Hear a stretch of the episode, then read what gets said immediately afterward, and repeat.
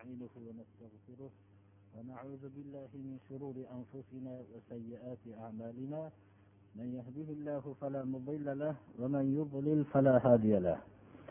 وأشهد أن لا إله إلا الله وحده لا شريك له وأشهد أن محمدا عبده ورسوله. أما بعد السلام عليكم ورحمة الله وبركاته. Bugungi kun shabon oyining o'n sakkizinchi juma kunlari. Alloh subhanahu va taolo hammamizni ham muborak ramazon oyiga musharraf bo'lishlikka alloh taolo nasib qilsin. Alloh subhanahu va taolo sunnatga muvofiq ramazonda ro'za tutishlikka alloh hammamizga tavfiq bersin.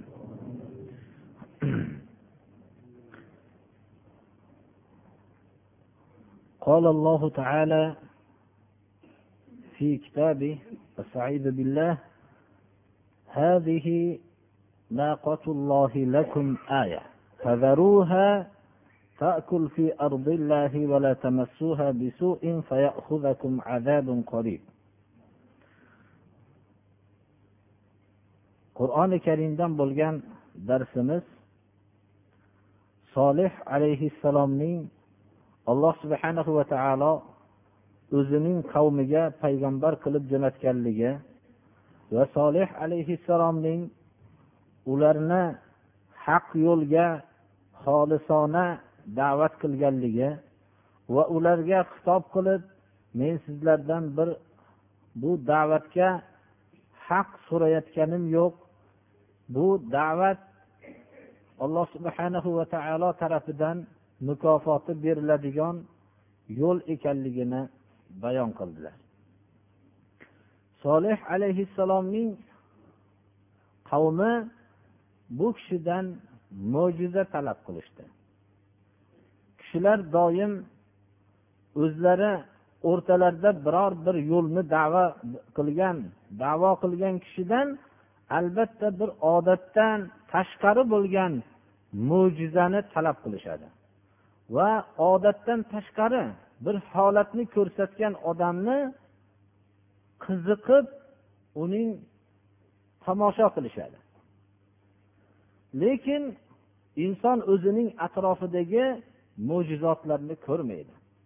Bo'lmasam alloh subhanahu va taolo yaratgan hamma mavjudot o'ziga xos bir mo'jizalikni ifoda qiladi. Mo'jiza emas narsa yo'q. Lekin uning mo'jizalik xususiyatini doim atrofida bo'lganligi doim ko'rib turishligi uning mo'jizalik xususiyatini yo'qotib qo'yadi. Alloh subhanahu va taolo solih alayhissalomning qavmi talab qilgan mo'jizani solih alayhissalomga berdi. Bu mo'jiza tuya mo'jizasi edi. Biz tuyani qanday bo'lganligi bu haqdagi bo'lgan so'zlarga alohida to'xtalib o'tmaymiz. Shu narsa bizga kifoya qiladiki bu ollohni tuyasi. Olloh bu tuyani o'ziga izofa qildi. Demak ollohning tuyasi degan so'z bu boshqa tuyalardan o'ziga xos imtiyozli tuya edi. Lakum ayatan. Bu sizlarga alloh subhanahu va taolo tarafidan jo'natilindi bu tuyani.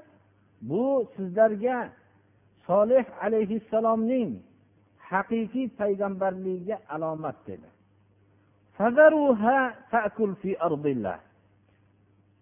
Insonlar bir narsani bir kishidan talab qilsa uning javobi ijobat bo'ladigan bo'lsa ijobat qilingan tarafdan ham o'ziga xos bir imtihon bo'ladi. Bu imtihon ularga shu bo'ldiki tuyani o'z holida qo'yinglar. Ollohni yerida o'zi yeb ichib yuradi. Biror bir zarar yetkazmanglar dedi.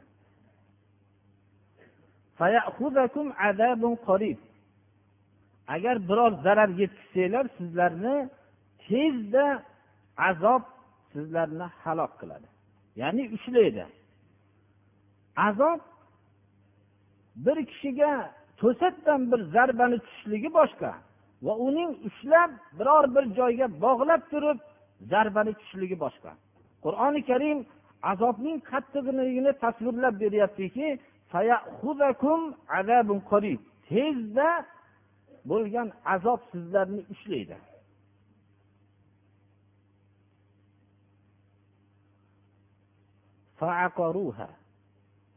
Solih alayhissalomning qavmi tuyani so'yib yuborishdi. So'yishganda ham arab tilida aqora kalimasi qilich bilan hech qanday joyga qaramasdan urib oyoqlarini uzib tashlashlikni aytadi. Ya'ni bu narsa dalolat qiladiki bu narsani xorlab turib so'yib yuborish. فقال, ما فقال تمتعوا في داركم ثلاثة أيام ذلك وعد غير مكذوب solih alayhissalom aytdilarki endi azob keladi sizlarga bunda shak shubha yo'q endi sizlarga muhlat uch kun yeb ichib o'ynab kulib olinglar bu sodiq va'da bu bu endi yolg'on va'da emas sizlarga uch kun muhlat hayotinglarni oxirgi qismi sizlarni olloh tarafidan bo'lgan vahiyni yetkazdilar.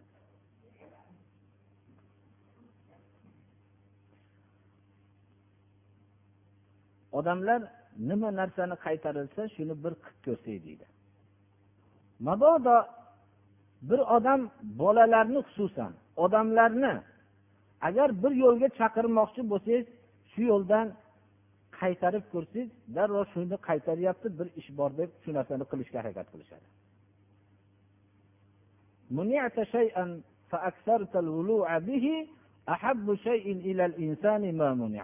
Bir narsadan qaytarilding qaytarilgandan keyin shunga harifligingni oshirding. Insonga shu qaytarilgan narsa eng bir yoqimli narsa bo'ladi. Qaytarilgan narsa eng suyumli narsa bo'ladi. Shuning uchun ham bir narsadan qaytarsangiz shuni bir qilib ko'raylikchi nima bo'lar ekan deydi.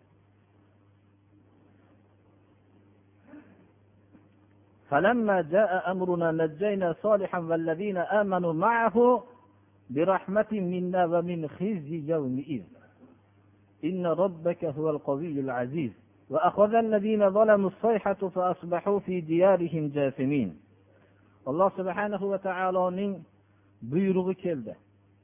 Azob keldi. Shunda solih alayhissalom va u kishi bilan birga iymon keltirganlarni alloh taolo aytyaptiki najot berdik qutqardik bularni. O'zimiz tarafimizdan bo'lgan rahmat bilan va shu kunning sharmanda rasvogarchiligidan biz qutqardik buni. Sizni rabbis quvvatli va izzatli zotdir. Zulm qilganlarga sayha ularni ushladi. Sayha qattiq bir qichqiruv qattiq bir tovush bilan halok bo'lishdi. Ular ertalab o'zlarining diyorlarida cho'kkalagan holatda qolishib ketdi. Inson sovuq jasad insonning o'lgan jasadi shunchalik chiroyli odam bo'lishligiga shunchalik nuroniy odam bo'lishligiga qaramasdan sovuq jasad birdan qo'rqinchlikka aylanadi. Hatto inson buni doim birga gaplashib turgan o'zining ota onasidan qo'rquv paydo bo'ladi. Agar dadasi yo onasining jasadi bilan yolg'iz tanho bir uyda qo'yib qo'yilsa nihoyatda tashvish bilan qo'rqib turadi.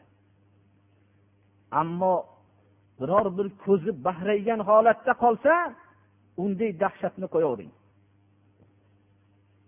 Insonning jasadini ham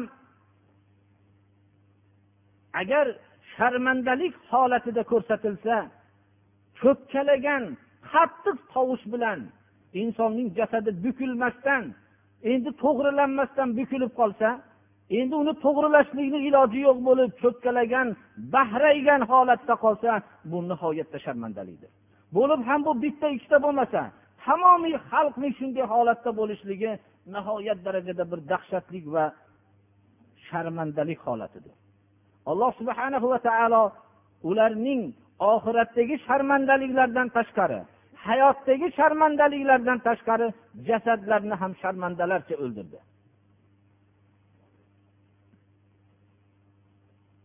Shuning uchun ham ollohning yo'liga qarshi bo'lgan ollohni dinini harakat qilayotganga qarshi bo'lganlarning o'ladigan holatlari ham sharmandalik holati bilan bo'ladi.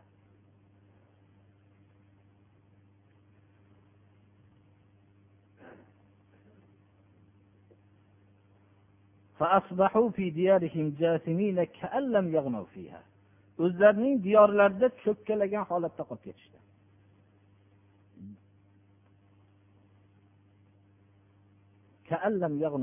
Go'yoki diyor bironta odam yashamagan diyorga aylanib qoldi.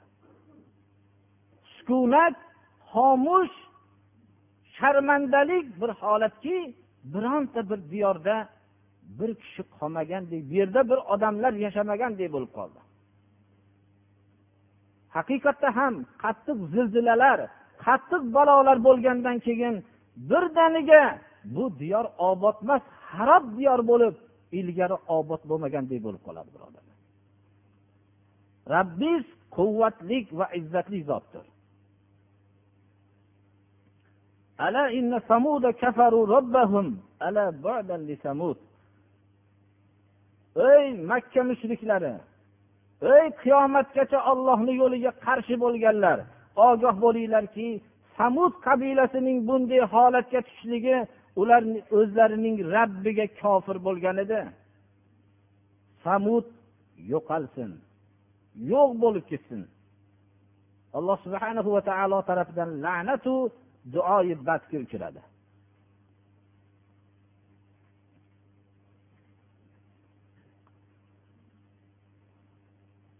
ولقد جاءت رسلنا إبراهيم بالبشرى قالوا سلاما قال سلام فلا فما لبث أن جاء بعجل حنيف alloh subhanahu va taolo nuh alayhissalomning tufonda salomat qolgan kishilardan tarqalgan zurriyotni ey nuh o'ziz bilan birga iymon keltirgan kishilar bilan salomatlik bilan yerga tushing va bir necha ummatlarga ham salomatlik barakot bilan tushing o'zingizdan keyingi. Va ba'zi bir ummatlar borki ularni ma'lum bir vaqt dunyoda foydalantiramizda keyin ularga alamlantiruvchi azob yetadi deb nuh alayhissalomga shu vahiyni tushirgan edi. Alloh subhana va taolo bu vahiyni rasululloh sollallohu alayhi vasallamga qur'oni karimda bayon qilgan edi. U kishining avlodlaridan mana hud alayhissalom va u kishiga ergashganlarni tarixini o'rgandik.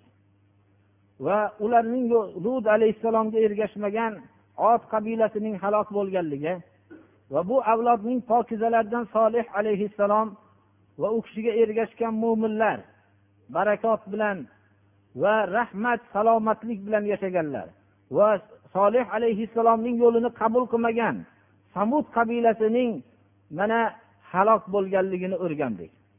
Va bu ikkala jamoa qiyomatgacha davom etadi birodarlar.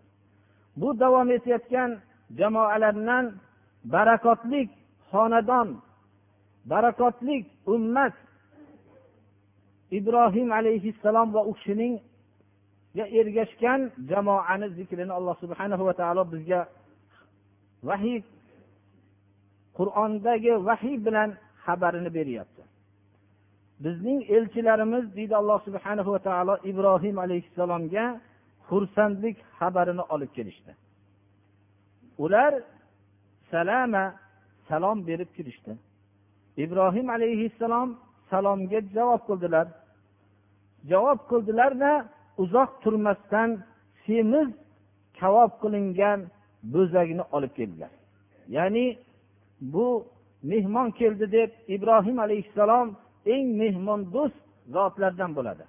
U kishini hatto hayotlarida mehmonsiz taomlanmaganlar deb ularning ovqat yeyishlik yemasligini so'ramadilarda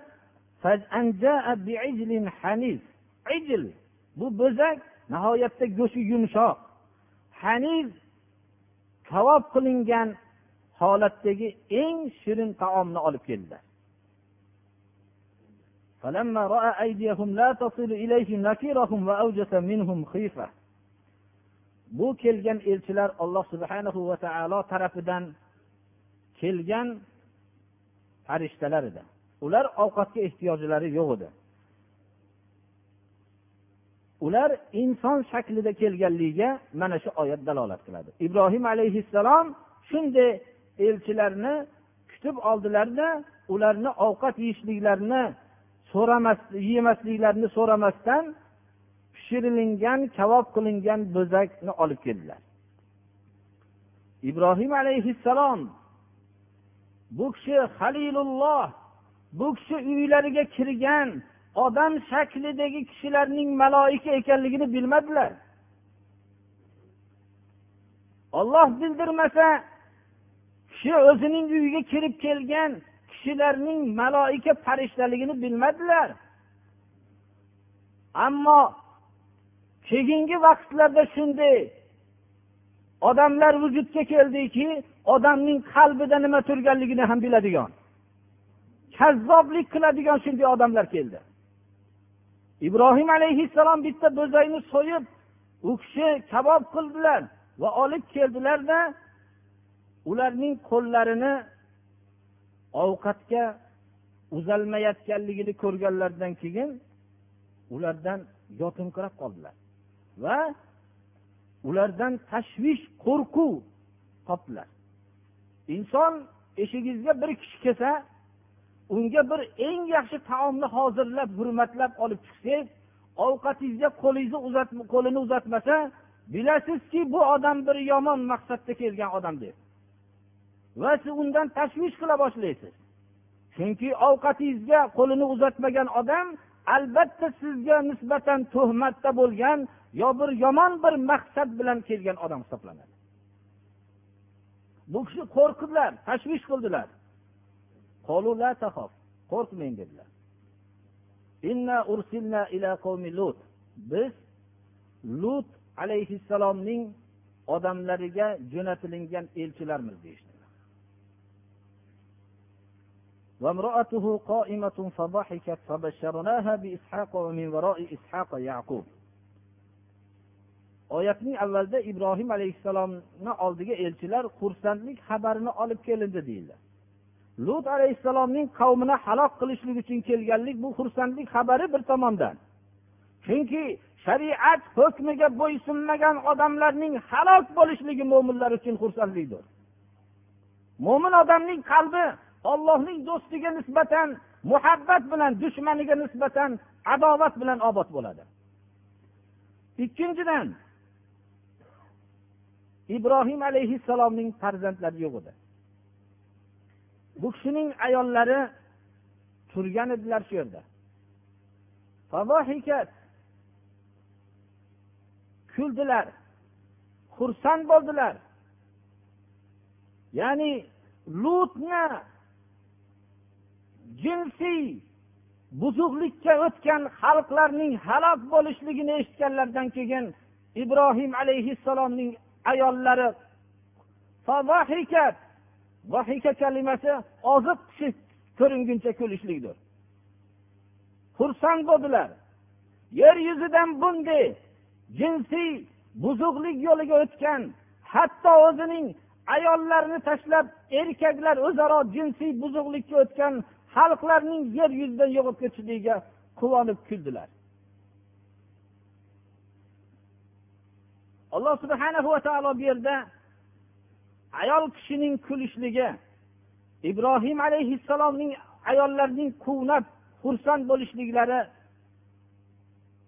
bayoni vallohu alam bu narsa ayol kishi shunday xatoning tushunib unday qilgan xatoni qilganlarning halok bo'lib ketishligini eshitganlarida quvnaganliklari erkaklar bunday ishni qilishligi nihoyat darajada razolat ekanligiga dalolat qiladi birodarlar.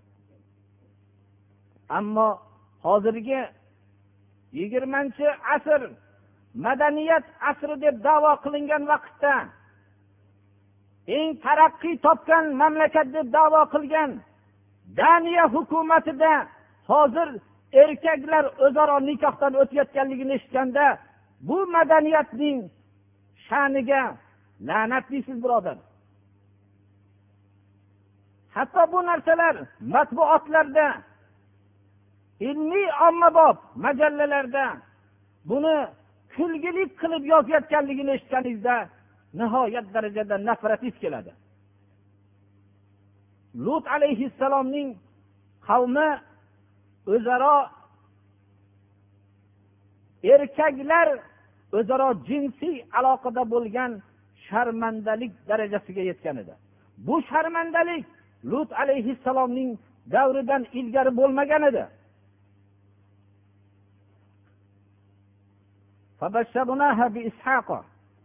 Ibrohim alayhissalomga boshqa xursandlikni ham olib kelgan edi.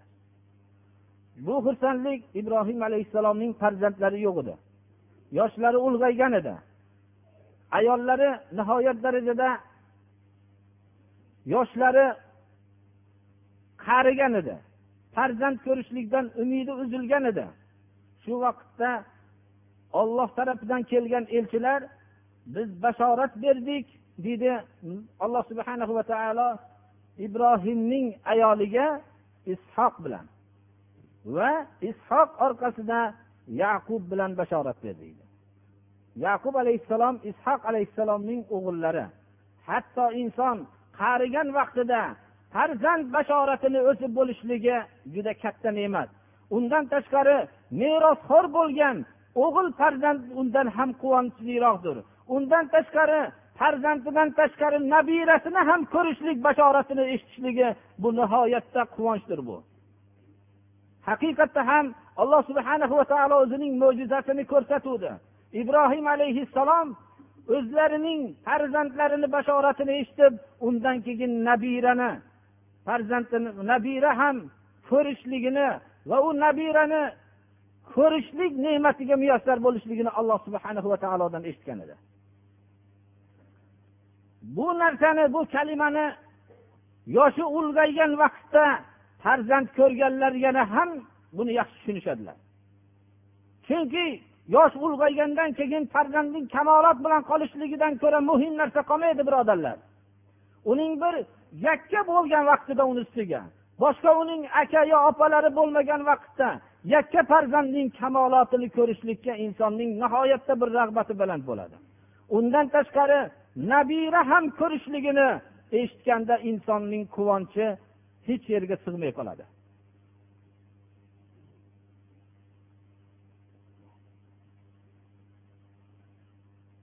قالت يا ويلتى أألد وأنا عجوز وهذا بعلي شيخ إن هذا لشيء عجيب ibrohim alayhissalomning ayollari aytdilarki yo vaylato qarigan vaqtda farzand ko'rgan ayollar qandaydir bir qanchalik quvonch bo'lsa ham odatda bir hijolatlik ola boshlaydi. Ibrohim alayhissalomning ayollari ham odam alayhissalomning farzandlaridan bo'lar ekan u kishi ham xuddi ayollik holati bilan ya vaylata dedilar. Ayol kishini go'yoki voy sho'rim deganga o'xshagan kalimasini aytdilar.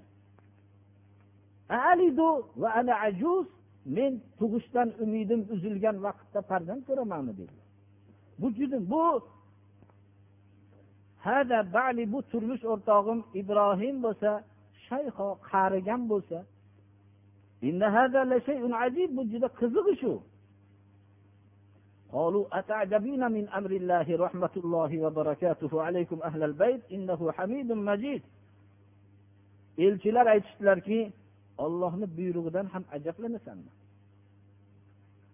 qarigan vaqtda farzand ko'rishlik ho'p qiziq. Lekin yoshlik vaqtida farzand ko'rish ham undan qiziqlikda qolishmaydi. Qanday inson farzand ko'radi? Qanday bu farzand vujudga keladi? Qanday bu farzand dunyoga tug'iladi? Bular hammasi qiziq. Lekin buning qiziq ajib ekanligini doim takrorlanib turishligi bizni esimizdan chiqarib qo'ygan. Bo'lmasam yoshlik vaqti bu ollohni buyrug'i bo'lganligi uchun alloh subhanahu va taoloning irodasi bo'lgani shu bilan davomiy suratda ro'baro'yimizda ko'rinib turganligi uchun bu qiziq bo'lmay qolgan. Ollohni buyrug'idan ham ajablanasizmi ollohni rahmatiyu barakoti sizlarga bo'lsin ey ahli bayt. Olloh maqtalgan va ulug' zotdir. Ya'ni bularni haqlariga ollohning rahmatiyu barakoti bo'lishligini maloikalar duo qilishdilar فلما ذهب عن إبراهيم الروع وجاءته البشرى يجادلنا في قوم لوط inson bir narsadan qo'rqib turganda hech narsa esga kelmaydi faqat shu qo'rqib turgan narsa esda bo'ladi u kishi ovqatlarni yemay turgan elchilardan qo'rqib turgan edilar shuning uchun hech bir lutni qavmiga azob kelishligini eshitganlarida ham lut bor deb aytmadilar ammo qo'rquv ketdi. Endi farzand va nabiraning xabari keldi quvonch xabari keldi. Inson endi xotirjam bo'lgandan keyin rav tashvish ibrohim alayhissalomdan ketdi va xursandlik xabari kelgandan keyin lut qavmi haqida biz bilan mujodala qilyapti. U yerda lut bor. Halok bo'ladigan bo'lsa lut nima bo'ladi degan so'z haqida gapira boshladilar.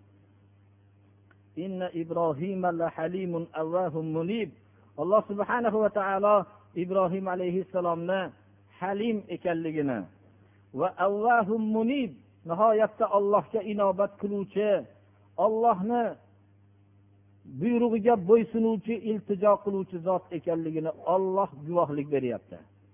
Alloh subhanahu va taolo guvohlik bergan zot albatta ollohning guvohligi bilan ibrohim alayhissalom halim va allohga iltijo qiluvchi va inobat qiluvchi zotdir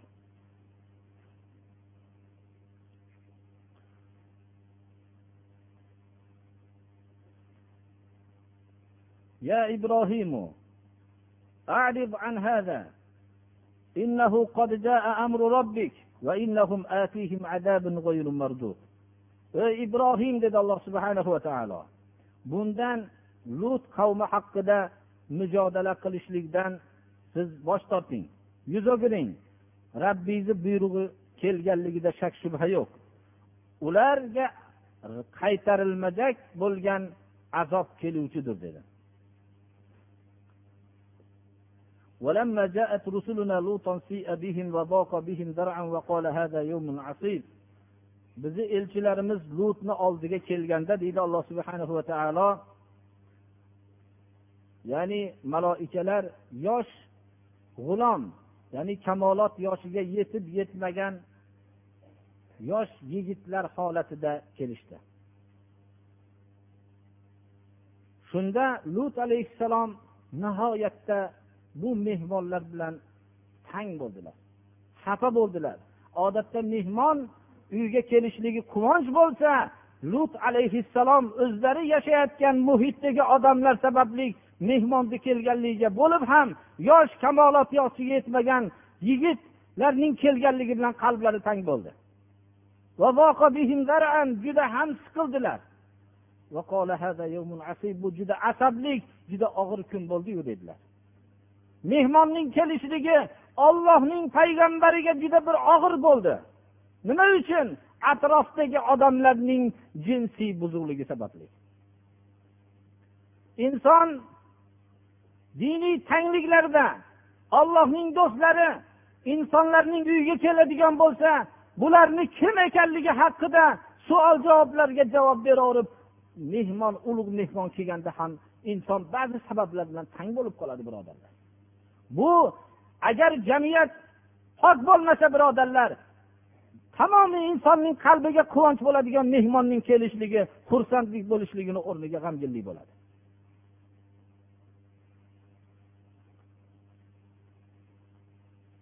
Chunki lut alayhissalom bilardilar o'zlarining atroflarida yashayotgan kishilarning tabiatini bilardilar va ularning buzuq tabiatlarini bilardilar. Ular ayollardan voz kechgan kishilar edi. Ular o'zaro erkaklar jinsiy buzuqlikda yashagan jamiyatda yashayotganliklarini bilardilar. Shuning uchun tang bo'ldilar.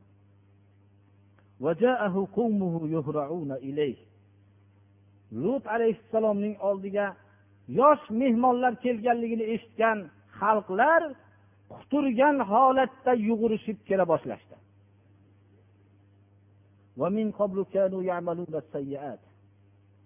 Ilgari bular yomon ishlarni qilishardi. Mana bu narsa mehmonning kelishiligi bilan lut alayhissalomning qalbini tang qilgan narsa shu edi. Ollohning do'stlari shunchalik tayyor fidoyi kishilar bo'ladiki ular o'zlarining butun vujudlarini qurbon qilishlikka tayyor bo'ladi. insonlarning nopok insonlarning poklanishligi uchun قال يا قوم هؤلاء بناتي هن أطهر لكم فاتقوا الله ولا تخزوني في ضيفي أليس منكم رجل رشيد ey xalqim dedilar jinsiy buzuq bo'lgan o'zaro erkaklar jinsiy aloqada bo'lgan xalqni ham ey eshaklar demadilar Ey hayvonlar demadilar. Ya qavmiy dedilar ey xalqim dedilar.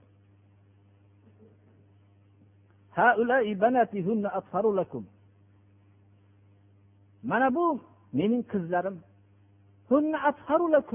Turmush qilmoqchi bo'lsanglar mana turmush qilinglar. Meni imkoniyatimda bor narsa shu. Hatto o'zlarining qizlarini turmush qilishlikka turmushga uzatishlikka tayyor bo'ldilar. bu narsa bular sizlar uchun pokizaroq ollohdan qo'rqinglar mehmonlarim haqida meni sharmanda qilmanglar dedilar ichinglarda shu so'zni tushunadigan bitta bir rushdlik to'g'ri yo'ldagi inson yo'qmi dedilar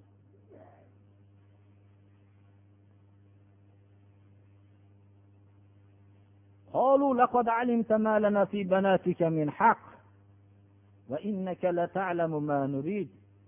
aytishdiki bizlarning seni qizlaringda hech qanday hojatimiz yo'qligini bilasan dedi. Bizlarni tushunasan dedi. Biz bunaqa qizlarda ayollarda hech qanday ehtiyojimiz yo'q dedi. Biz nima maqsad qilib turganimizni bilib turibsan bizga nima qarshilik ko'rsatasan deyishdi. Lut alayhissalom umidlari uzildi. Bu kishi inson nihoyat darajada tushunmagan jamiyat ichida haqni tushuntirish qiyin bo'ladi. Bedanavoz odamlarning ichiga kirib to siz bedana haqida gapirmagunizcha sizni ulug' odam deb bilmaydi. Shu ham odammi deydi bu bedanani ilmini bilmaydi deydi. Hayotni gashtini bilmayotgan odam deydi. Qimorvoz odamlarning ichiga kirib qimor haqida o'zingizni mahoratingiz bor yo yo'qligini aytmasdan turib agar qimor haqida sizni ilmingiz bo'lmasa hayotdan shunday o'tyapsan ekanda deb sizga xitob qiladi. Mast qiluvchi ichimlikni ichmaganligingizda siz yoqasini ushlaydi bu gapga ishon bo'lmaydi deydi. Nopok yo'llarda yurmaganman desangiz mumkin emas siz boshqa sayyoradan kelgan odamsiz deydi. Inson to'g'ri so'zni tushuntirishlikdan og'ir narsa yo'q johil odamlarning ichida. Lekin ming afsuslar bo'lsinki hozirgi vaqtda ilm jaholati bilan botqog'iga botgan ilmni davo qilgan johillarga haq islomni tushuntirishlikdan og'ir yog'ilishligi juda qattiq musibatdir.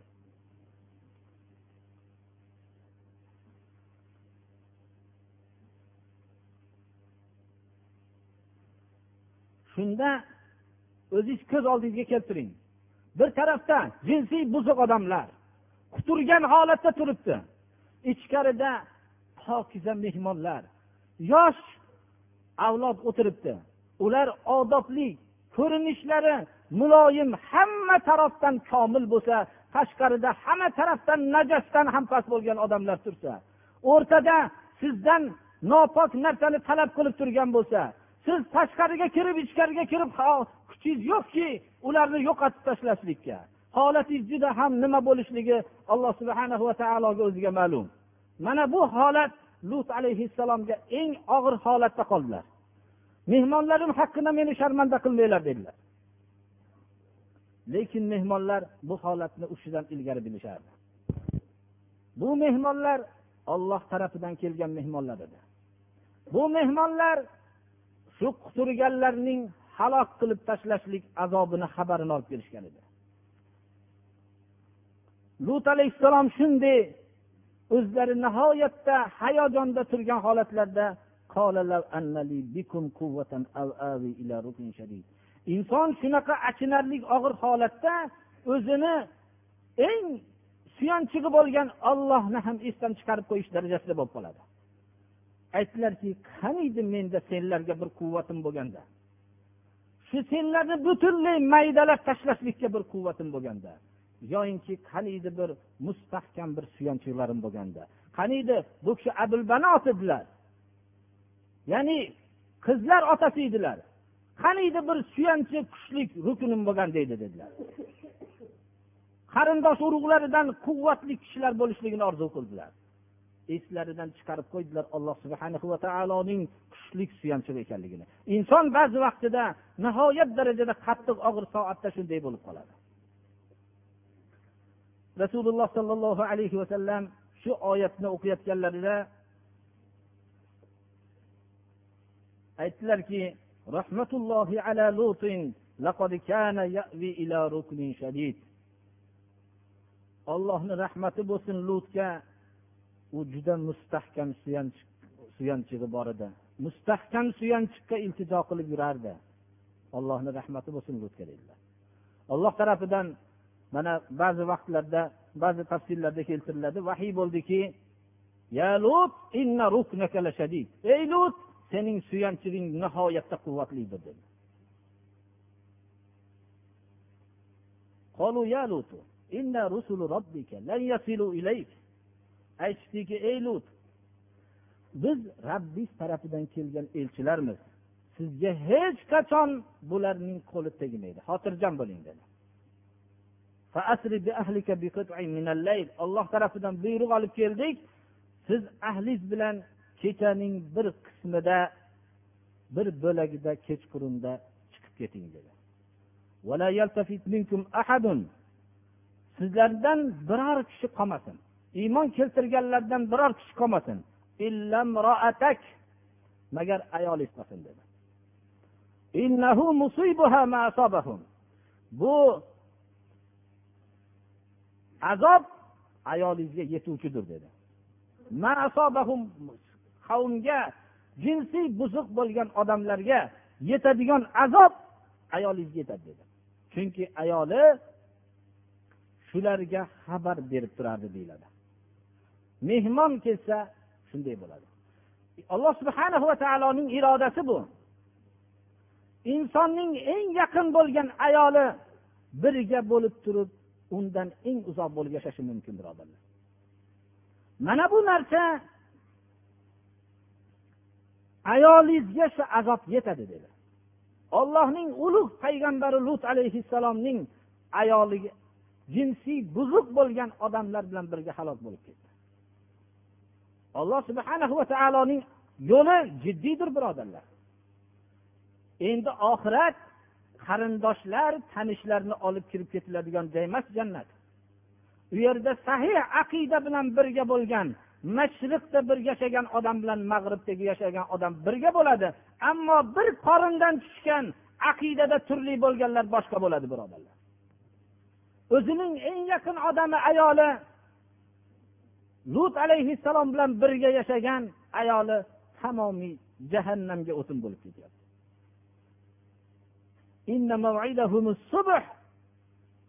Ularning va'dalashgan ularga azobning keladigan mavid vaqti subh tongdir. Inson noto'g'ri yo'lda bo'lgan odamning bunday sharmandalar bo'lgan odamning tezroq halok bo'lishligini xohlaydi. Biror daqiqa ham unga uzoqlik qiladi. Uning azoblanayotganligini ko'rsam deydi. Subh yaqin emasmi? Tong yaqin emasmi? Tong yaqin. Ya'ni baribir insonga uzoqlashib ketayotganga o'xshagan subhgacha ho tonggacha degan narsa tong nihoyatda yaqin edi. Inson mana bu oyatda alloh subhanahu va taolo bizga ko'p narsani ibrat qilib aytyapti. Birinchi aqidaning jiddiy ekanligini bilmoqligimiz kerak. Ikkinchidan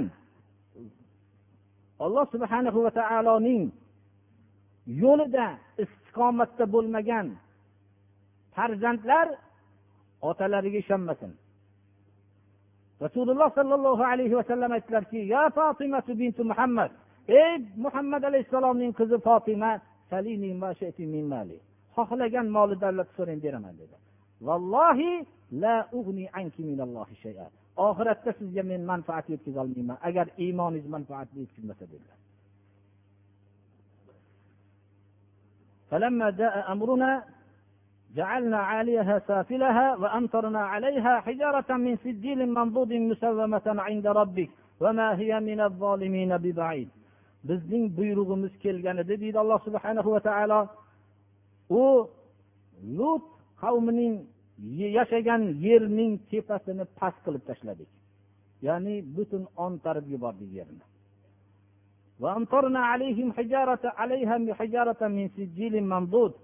Va ularning ustiga loy bilan bo'langan toshni yomg'ir qilib yog'dirdik.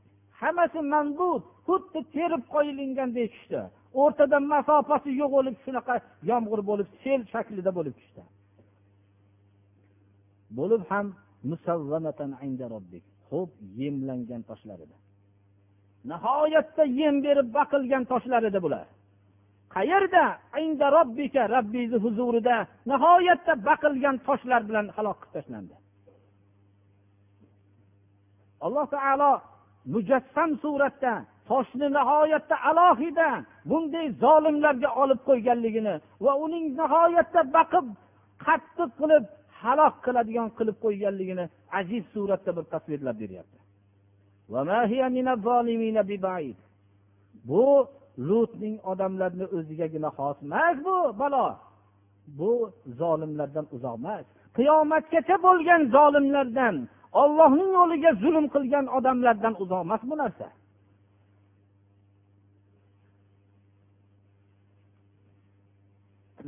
Hammamizni ham gunohlarimizni mag'firat qilsin ibodatlarimizni alloh qabul qilsin. Alloh subhanahu va taolo shu darsimizdagi ma'nolarga amal qilishlikka alloh taolo tavfiq bersin. Alloh subhanahu va taolo mana bedahatlarda ko'p kasallarga alloh taolo shifo bersin. Alloh subhanahu va taolo hidoyatsiz bo'lganlarga hidoyat bersin. Alloh subhanahu va taolo o'tgan ajdodlarimizga rahmat qilsin farzandlarimizni solih solihalardan qilsin. Vasallallohu taala ala alloh subhanahu va taolodan avvalo o'zimni va sizlarni taqvo qilishlikka vasiyat qilaman. Alloh subhanahu va taolo insonni yaratib insonning hammasini ziyonda bo'lishligini va ziyonda ekanligida shak shubha yo'qligini bayon qilib to'rtta sifat egalarini istisno qildi. Birinchisi iymon. Iymon alloh subhanahu va taoloning o'ziga yakka ma'bud ekanligiga iymon keltirishlik va allohning sifatlariga iymon keltirishlik. Bu albatta ilm vositasi bilan bo'ladi. Ilm olloh buyurgan buyruqlardandir ollohni yakka ma'bud ekanligini biling deb olloh buyurdi rasulini va rasuli vositasi bilan hamma rasuliga ergashgan mo'minlarni buyurdi. Ikkinchi bu ilmga amaldir. Ya'ni yakka ma'budga hayotda ibodat qilib kelishlik.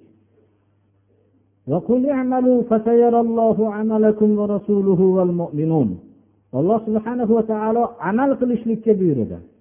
Va olloh bu amallarni olloh ko'radi. Rasuli ko'radi va mo'minlar ko'radi kelajakda dedi. Agar bir kishi biror bir jamiyatda o'zi bir amalni ko'rsatmoqchi bo'lsa biror bir hunarini ko'rsatmoqchi bo'lsa oddiy insonlar oldidagi ko'rsatadigan namoyishiga qanchalik tayyorgarlik ko'radi birodarlar?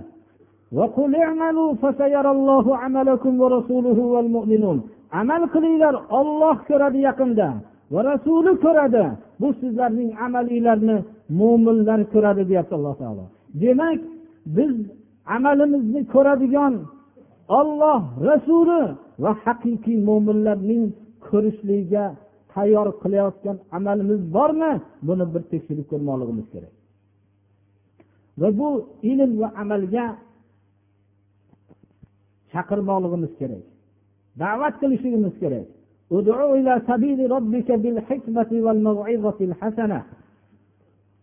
mana bu narsaga biz har uslub bilan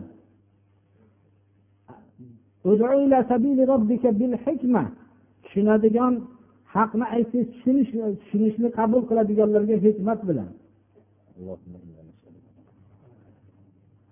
اللهم أعنا على ذكرك